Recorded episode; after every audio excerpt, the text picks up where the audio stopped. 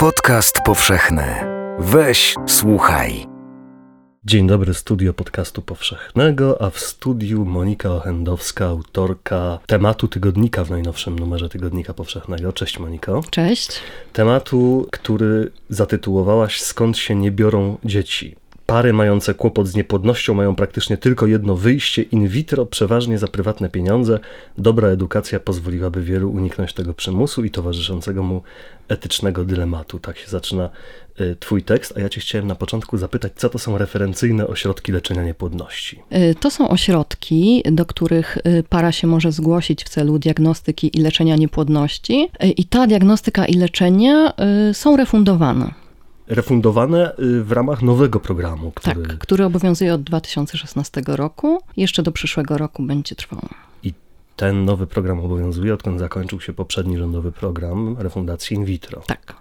Procedury in vitro są nadal refundowane, natomiast są refundowane przez samorządy i tylko w niektórych miastach w Polsce obecnie. Czyli dostępne są najczęściej dla mieszkańców dużych miast. Używasz takiego sformułowania prywatyzacja in vitro. Mhm. Opowiedz. Po tym, jak zakończył się poprzedni program, ten, który wygasł w 2016 roku, leczenie niepłodności tak naprawdę to zaawansowane najbardziej leczenie niepłodności, czyli procedury wspomaganego rozrodu, przejęły y, prywatne kliniki.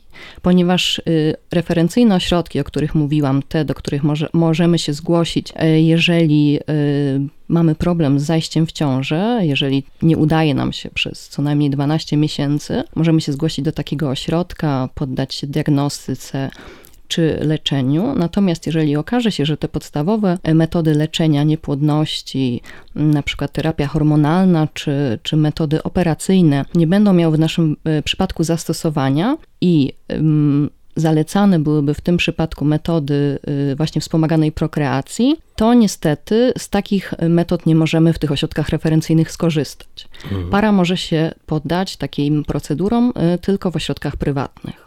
Co oznacza koszty? Tak, y, od 7 do kilkunastu tysięcy za każdy zabieg na co oczywiście nie każdy może sobie pozwolić. Jasne. A w tych y, referencyjnych ośrodkach, ty piszesz tam taką rzecz, że tak naprawdę y, w tych ośrodkach pomoc uzyskają te pary, które prędzej czy później i tak same zaszłyby w ciążę. Takie są opinie lekarzy oraz ekspertów y, z fundacji, między innymi z Fundacji Nasz Bocian. Że jakby te pary, w przypadku tych par, ta procedura wyczekiwania najczęściej odnosi pożądany skutek. To są pary, które tak naprawdę nie mają problemu z płodnością najczęściej, albo to są bardzo, bardzo proste, y, rozwiązywalne właśnie metodami farmakologicznymi problemy.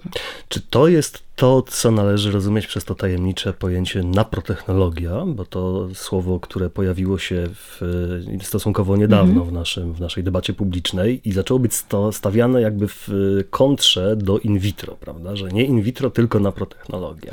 Tak, no natomiast nie można tego w kontrze stawiać. Zresztą wytyczne y, towarzystw naukowych w Polsce, towarzystw ginekologicznych wykazują, że nie ma badań, które potwierdzałyby skuteczność naprotechnologii. To jest tak naprawdę procedura polegająca na, taka procedura polegająca na wyczekiwaniu, wyczekująca. Właściwie każdy lekarz ginekolog w pewnym sensie jest naprotechnologiem. Jeżeli zgłosimy się do niego y, po sześciu miesiącach starań o dziecko, y, jeżeli jesteśmy jeszcze w wieku, w którym możemy te starania mm, kontynuować i lekarz nam to zaleci, przeszkoli nas, wytłumaczy, poda jakieś wskazówki dotyczące diety czy stylu życia, to właściwie możemy mówić, że on na tym etapie leczenia jest naprotechnologiem. To są właśnie najczęściej procedury polegające na wyczekiwaniu, jakby oczekiwaniu na dziecko bez zastosowania zaawansowanych procedur medycznych. Naprotechnologia, o ile mi wiadomo, dopuszcza też farmakoterapię czy niektóre zabiegi operacyjne. Natomiast nie, in, nie inseminacje ani nie inne metody leczenia niepłodności, te bardziej zaawansowane. Mhm. In vitro to też nie jest coś takiego, co jest dla każdego. Z in vitro to y, z in vitro też wiążą się no, chociażby bardzo poważne dylematy etyczne dla znacznej części par, które, które mierzą się z problemem bezpłodności. Tak, i nie każda para na pewno y, będzie z takiej metody korzystać. Raz ze względu na koszty, jakie ze sobą niesie, dwa ze względu na dylematy y, moralne. Natomiast nie ma jednego schematu i y, jakby prostej może nie wytycznych, ale jakby algorytmu postępowania w przypadku leczenia niepłodności. Tutaj każdorazowo decyduje lekarz, bo tych zmiennych jest bardzo dużo. To jest zarówno jakby historia, historia medyczna, ale też wiek pary ma tutaj swoje znaczenie. Mhm. W przypadku kobiety y, po 40 roku życia, która zdecyduje się na dziecko, będą już, lekarz zastosuje inne, y, inne metody niż w przypadku młodej kobiety, która tego dziecka będzie chciała, młodej pary. Jakby nie ma jednego prostego algorytmu postępowania. To jest, trzeba wziąć za każdym razem pod uwagę ilość różnych zmiennych i czynników, na podstawie których lekarz to leczenie dobiera, proponuje. Mhm. No i oczywiście jest cały ten przedziwny świat alternatywny, który Mhm. również y, opisujesz w swoim tekście. Co to jest coaching płodności? Coaching płodności z pewnością nie jest metodą zalecaną przez terapeutów. Wydaje mi się, że y, nie zaszkodzi do pewnego momentu, oczywiście, dlatego że może nam poprawić nastrój na pewnym etapie leczenia, tak jak spotkanie z przyjaciółmi, rozmowa z zaufaną koleżanką, y, czy kimkolwiek innym, kogo mamy w swoim otoczeniu, kto, y, kto jest nam w stanie dać takie wsparcie. Y, Jeżeli y, coach takie wsparcie nam na pewnym etapie leczenia daje, to ok. Jeżeli jesteśmy w stanie y, za to zapłacić, jeżeli godzimy się z kosztami i wiemy, że nie jest to żadna tak naprawdę metoda leczenia ani y, wsparcia, która byłaby w jakiś sposób potwierdzona klinicznie, to w porządku. Natomiast y, mm, warto wiedzieć o tym, że na etapie leczenia długotrwałego pojawi się mnóstwo zapewne sytuacji kryzysowych, które będą jednak wymagały wsparcia profesjonalnego, z którym y, taki coach sobie pr- najprawdopodobniej nie poradzi. No i właśnie pytanie, czy będziemy wiedzieć, co daje, a czego nie daje nam taki coaching, bo Mhm. podejrzewam, że taka usługa będzie reklamowana jako odpowiedź na wszystkie nasze problemy. Zapewne tak, jak, jak to z coachingiem bywa. Mhm. A jak to jest z tym wsparciem profesjonalnym, y, czyli pewnie z opieką psychologiczną? Gdzie się Mhm. ją dostaje, gdzie się jej nie dostanie? Y, Zazwyczaj jest tak, że w klinikach, których, klinikach prywatnych refundowana jest, czy mm, dostępna jest jedna taka wizyta y, u psychologa y, w ramach tej opłaty, o której wcześniej mówiliśmy. Y, W ośrodkach referencyjnych również ta opieka psychologiczna jest dostępna, natomiast pary stosunkowo rzadko z niej korzystają. Z różnych powodów. Przede wszystkim dlatego, że to jest proces leczenia związany z bardzo osobistą sferą życia. W tej sferze jakby dopuszczamy już bardzo dużą grupę ludzi. Są tam wszyscy lekarze, którzy są zaangażowani w ten proces, panie z recepcji, mnóstwo Jasne. ludzi. Mhm. Psycholog to jest kolejna osoba, do której y, musimy iść i o tym bardzo intymnym jednak problemie, o tej intymnej sytuacji opowiedzieć. Dlatego wiele osób z tego rezygnuje. Druga, y, druga przyczyna jest taka, jak mówią sami terapeuci, że często mm, obwiniamy siebie za niemożność posiadania dzieci. Boimy się konfrontacji z psychologiem, z terapeutą z tego powodu, że nie chcemy usłyszeć, że wina leży w nas. I też terapeuci uspokajają, że psychologia odchodzi od takiego psychoanalitycznego myślenia. Mhm. Że coś mnie blokuje, tak? Tak, tak, tak. Mhm. Że tak nie jest. I druga strona tego, tej kwestii y, psychologiczno-emocjonalnej to jest y, właściwie dość zdumiewająca rzecz, że tak jak y, sama niepłodność jest tematem tabu, tak i leczenie niepłodności jest tematem tabu, a co więcej okazuje się z tego, co piszesz, że nie tylko leczenie niepłodności metodami in vitro, czyli tymi niekoniecznie powszechnie akceptowalnymi, ale też naprotechnologicznymi jest tematem tabu. Oczywiście, bo jest napiętnowane, jest prześmiewane. Prześmiewane. Prześmiewane.